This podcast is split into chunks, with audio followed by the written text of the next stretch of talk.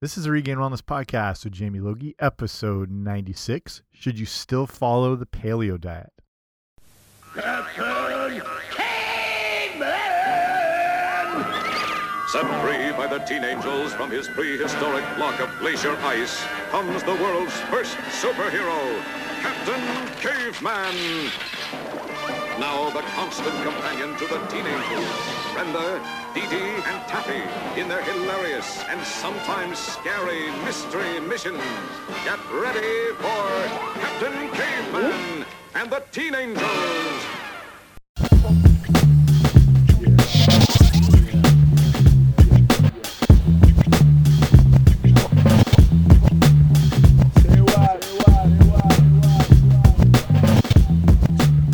Guys, what's happening? Welcome back to the podcast. I'm Jamie Logie, I run regainedwellness.com, and this is the Regained Wellness Podcast. So thank you so much for joining me here today. If it's your first time listening, thank you even more so, and appreciate having you by.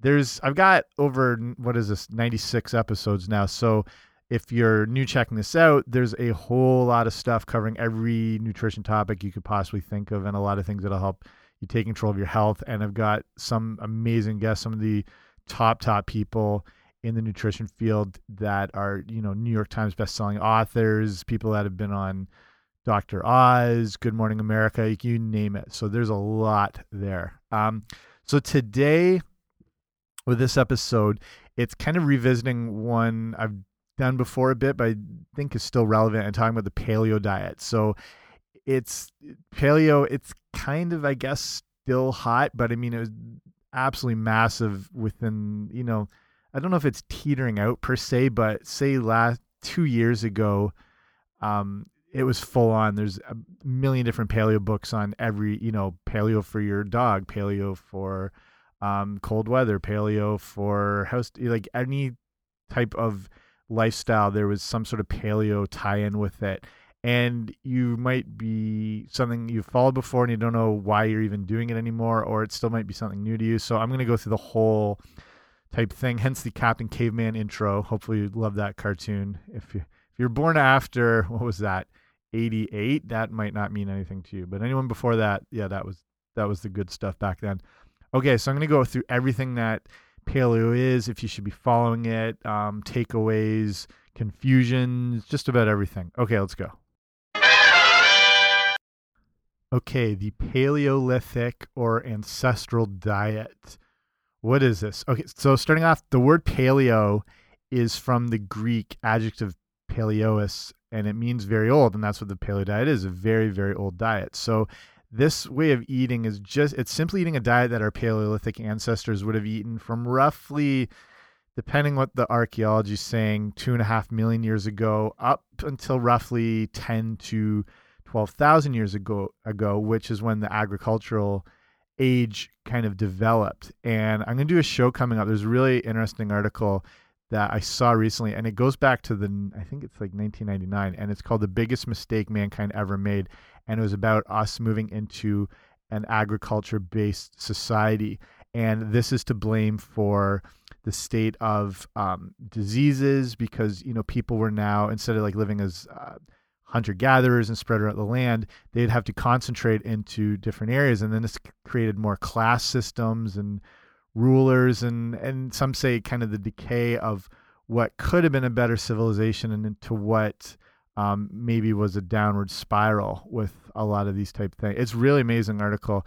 And like I'll, I'll cover it in a whole episode. So the paleo diet means essentially there's no grains, rice, or dairy, and obviously, um, you know, manufactured and, and processed foods. But even from like the real whole food standpoint, which is ideally what you want to be following diet wise, is eating real whole foods.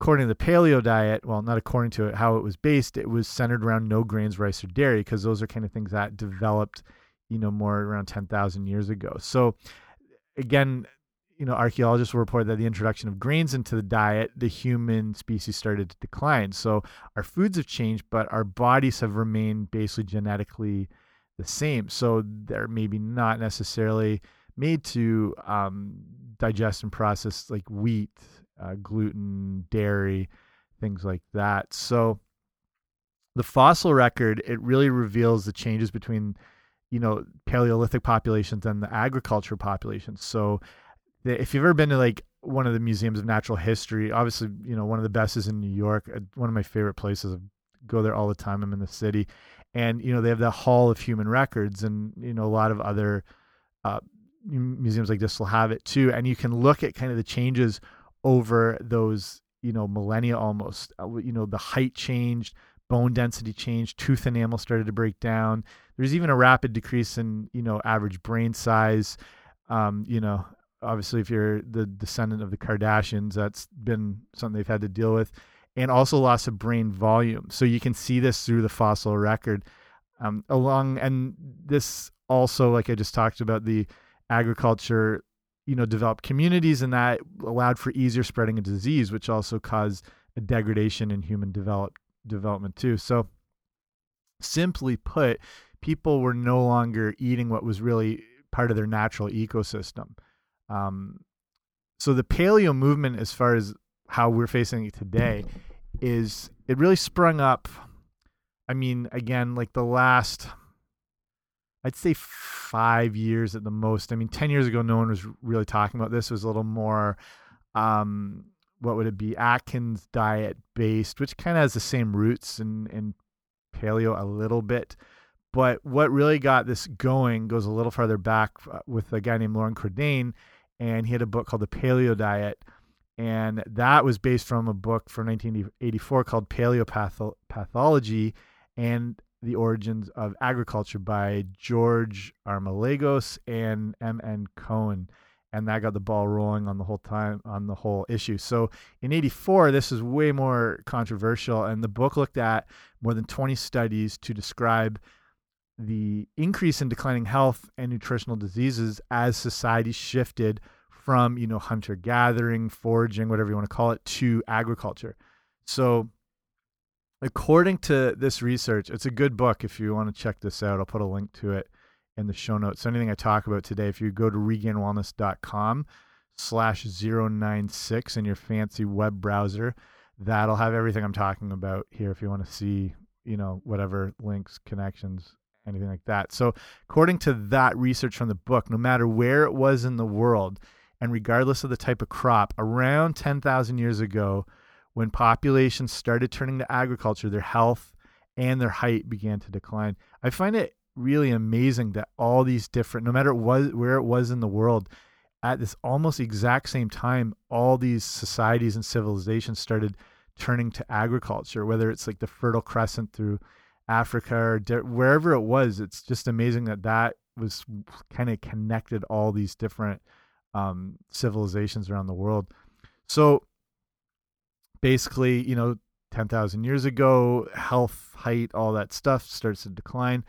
And now we look at modern food. So this age of agriculture has lasted. I mean, it's still going on. Obviously, we still have, you know, farmers and whatever, but the state of our crops is really transform and probably you know with the amount of obviously genetically modified type plants and hybridizations of plants a lot of these things are not exactly what they used to be which I'll talk about in a minute. But so we're looking at the this old age of agriculture lasting up until only you know 100 to 200 years ago till the industrial revolution kicks in. So the you know advent of machinery and processing has introduced us to foods and products that had never existed before. So these the difference though say like with these new quote unquote products of say your grandparents era that they never really existed before when they started doing you know canned things and more processing as new as they were compared to what we have today they'd almost be considered superfoods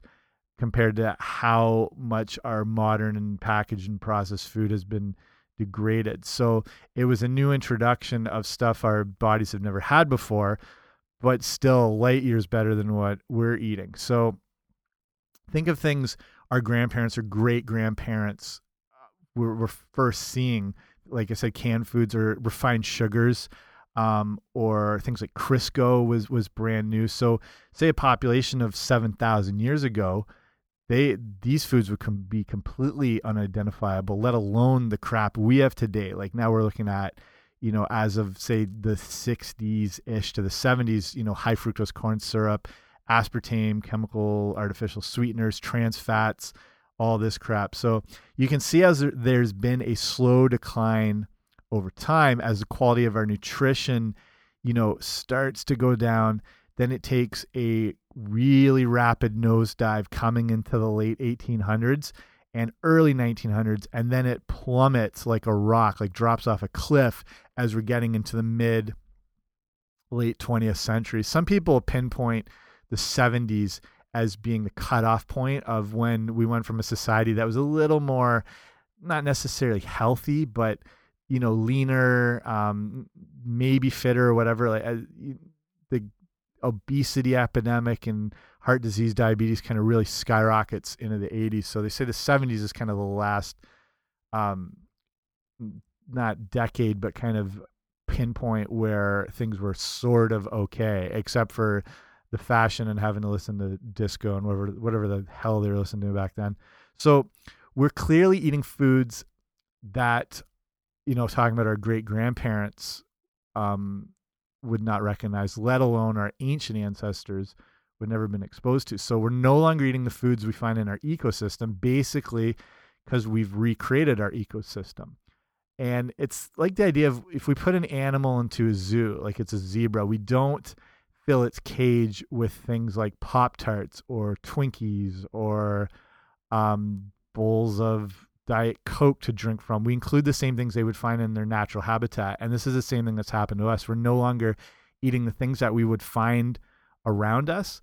And what that would have been, talking about a paleo diet, would have been things like animal proteins, vegetables, fruits, um, nuts and seeds, maybe some starchy things they'd find in the ground, maybe some wild natural honey, things like that. So let's look at the toxins in our lives. And I'm not going into anything Donald Trump related or whatnot. God only knows if you're listening to this a year or two from now what has happened. I'm recording this in what's today, October 10th.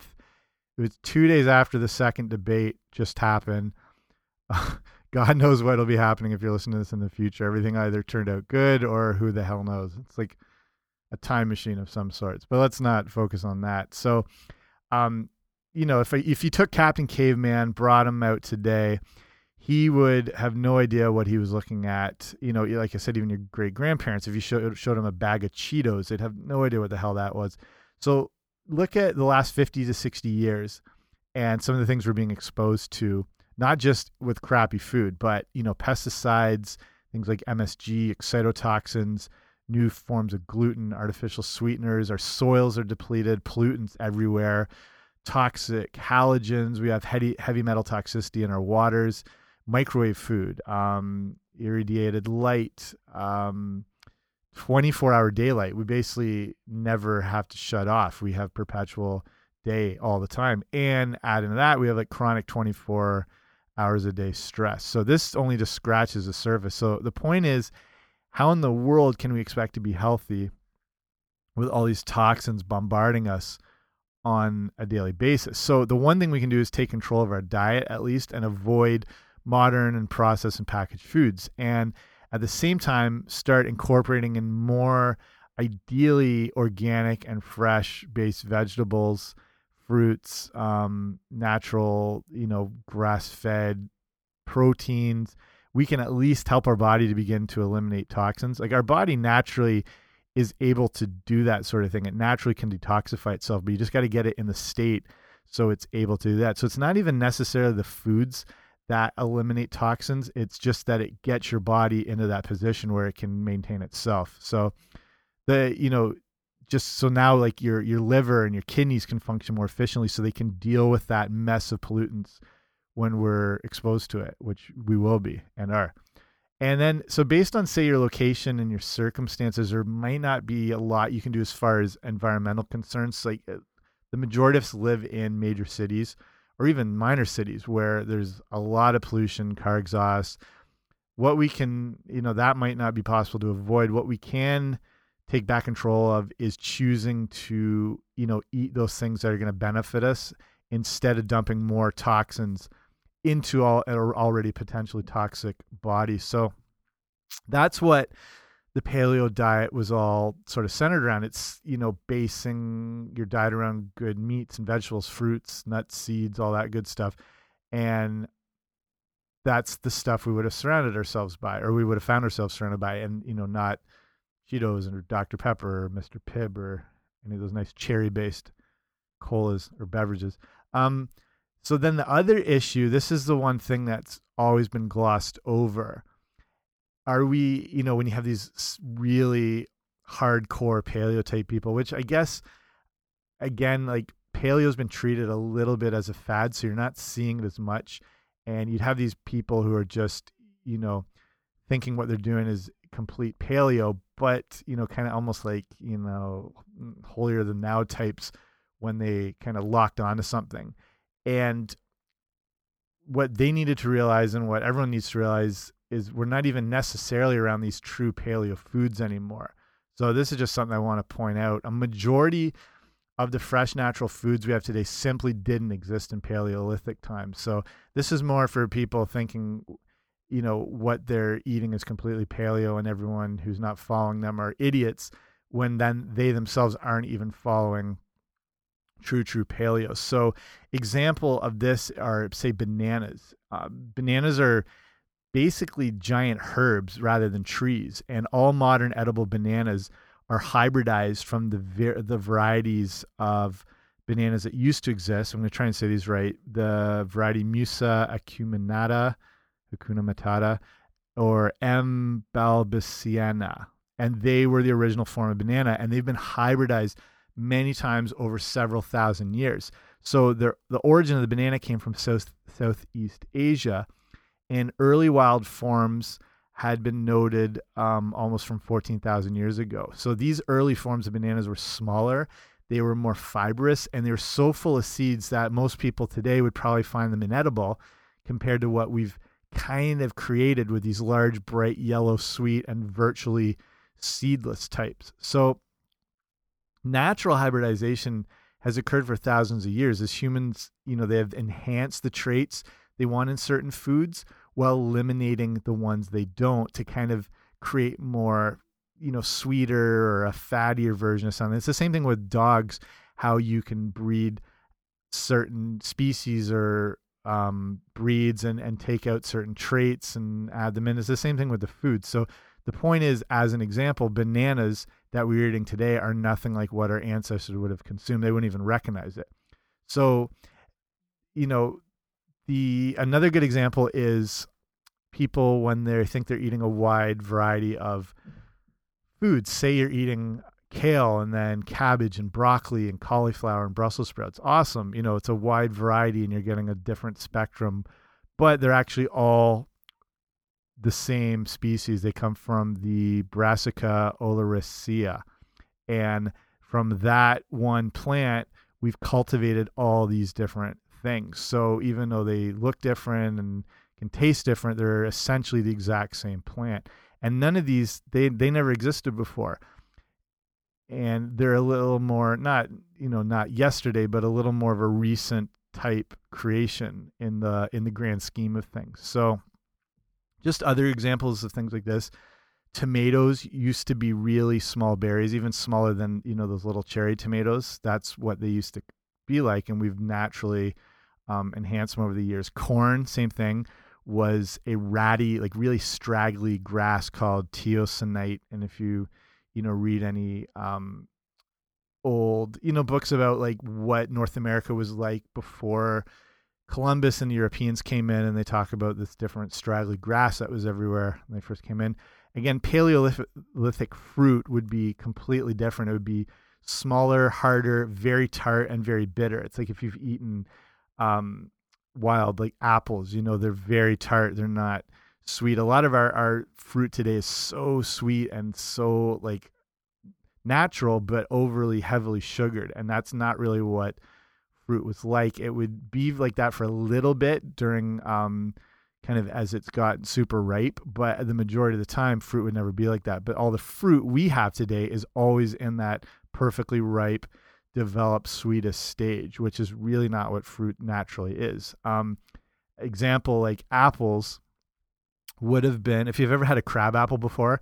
We've had a growing up. Our we have a crab apple tree in our front lawn, and it would create thousands of those little buggers that are so hard to clean up. If you've ever eaten it, they're very again tart and bitter and whatever, and that's what apples would have more naturally been like.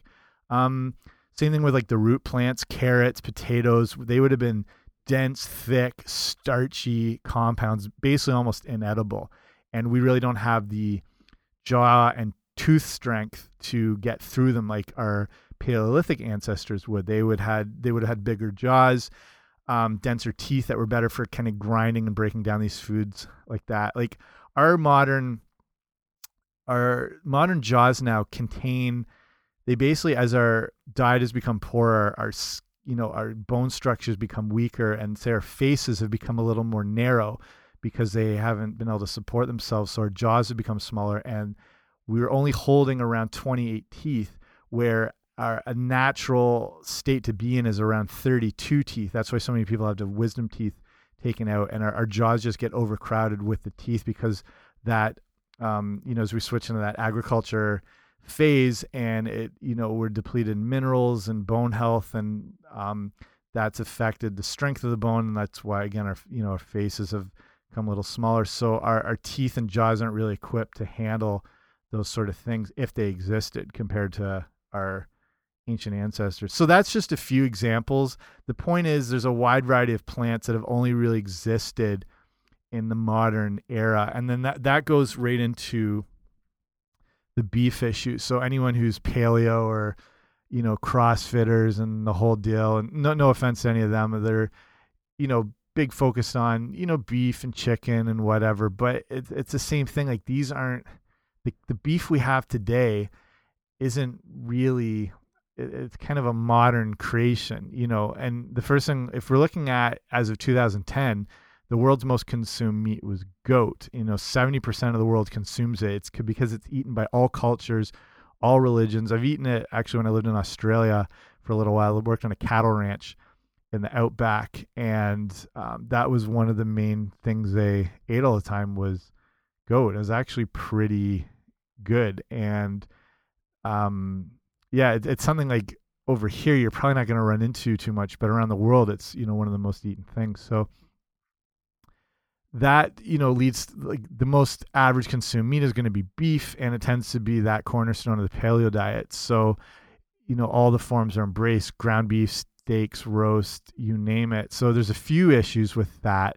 The first one is the modern cow is an animal that never existed in paleo times. The the ancient ancestor of the cow is an animal called an auroch, and it's descended from what's that? Um, like it's called I think Bos acutefran, if I'm saying that right.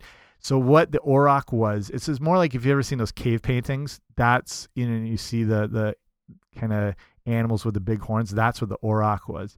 It's more bull-like. They had longer outward-facing horns they go back to around 2 million years ago and they survived honestly up till the early 17th century when they went extinct. So, compared to the modern cow, this was a vastly different animal, longer legs, bigger head. It was really it was leaner. It was more of an athletic type looking animal. And similar to the gnu or the wildebeest, these were the animals they would have been eating. So the issue with um, the modern cow is it's been same thing. It's been like dogs. It's been kind of created out of an original species and kind of almost watered down, if you will. I'll put a couple of those cave painting pictures up so you can see what they're dealing with, and actually some pictures of the uh, original auroch and the skeletons they have. So again, like what we're eating meat wise, we think we're eating like you know a Paleolithic real diet. Not exactly what would have um, existed back then.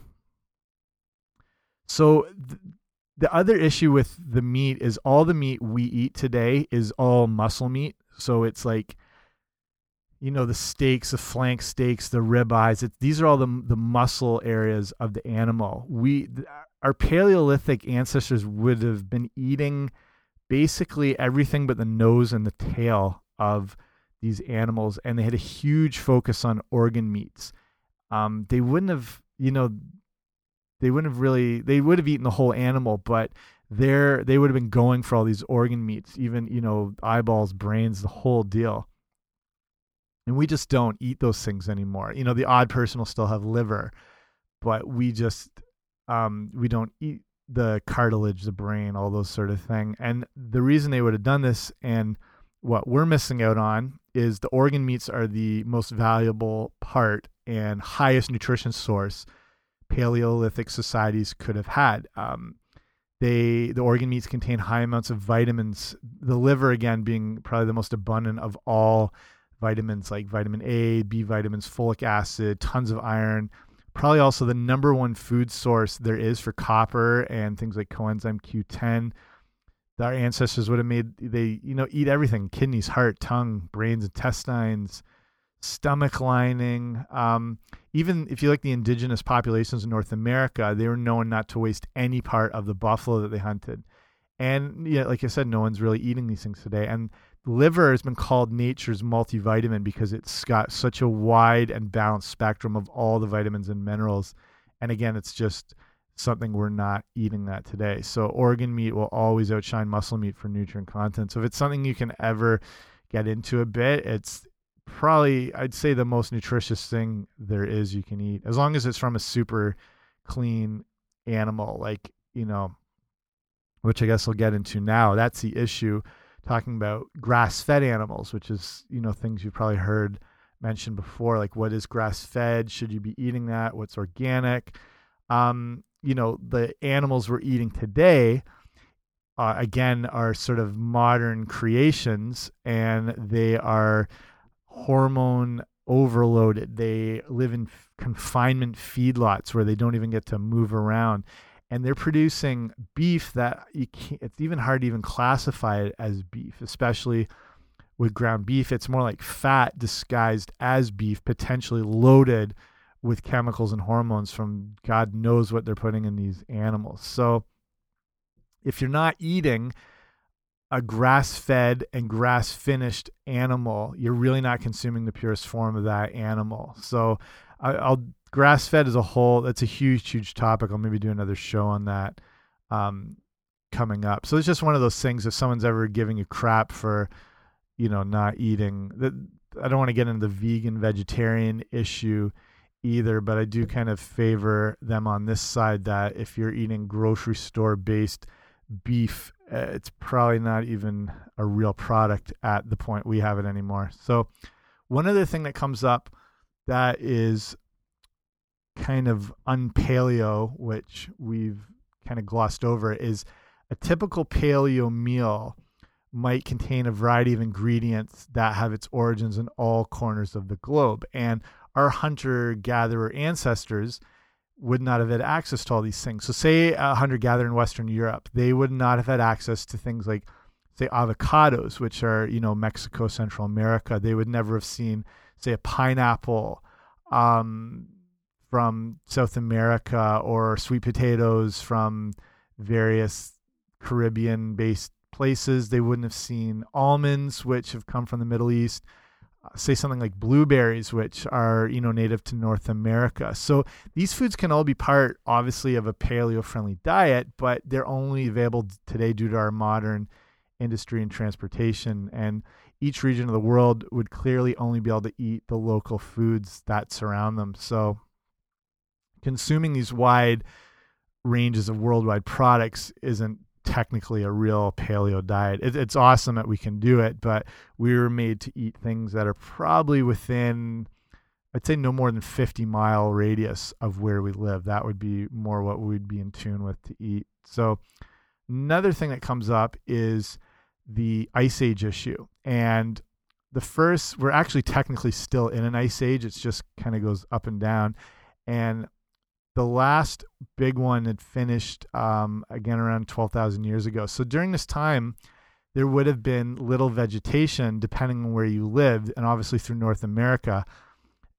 Um, a majority of the diet would have been had to be centered on animal protein, and it was, or I wouldn't be here, and you wouldn't be there listening to me talk because nothing would have survived. Nobody would have survived. So, again, all relative where you live, but you know, a lot of uh, Eurasia, obviously North America, were covered, and if you're living in that time period, your diet was going to be hugely different than someone who lived in the southern hemisphere. So, this Ice Age diet is still being undertaken today. If you look at modern Inuits and a lot of people in northern Canada who live in the climates that have basically no fauna vegetation, they live on animal protein and, and primarily fat and organ meat for the majority of their nutrition. So that that's just kind of getting you up to speed with what the paleo diet is and issues surrounding it. So I'm not wanting to dismiss it all. I just want to point out what we're eating if we're eating a paleo diet is more like I call a modern paleo, if that even if you can even put those two words together together, maybe more new age paleo if you want to go that far. So the whole point of this diet is not necessarily what it contains, but what it does not contain. So the paleo diet is focusing on eliminating all those modern foods, foods that have caused that, you know, massive downfall of our society leading to modern diseases, heart heart disease, diabetes, obesity, all that terrible stuff. If you're following a paleo diet or, or trying to follow it as best you can, there's no refined flours. You're not eating breads, cakes. There's no, you know, potentially hormone and antibiotic filled dairy. There's no trans fats, no artificial sweeteners, no high fructose high fructose corn syrup. It introduces more foods that at least our bodies a little they're more familiar with. They might not necessarily have existed before, but they're natural and they're real and our body is a little more familiar and able to process it. And that's why eating something your body recognizes I think is you know, it's something I'm all in favor for. And to sum it up, I think it's still the way to go of all the different styles of diet out there or lifestyles. It's not diet's kind of an ugly word, but it's kind of lifestyle way of eating.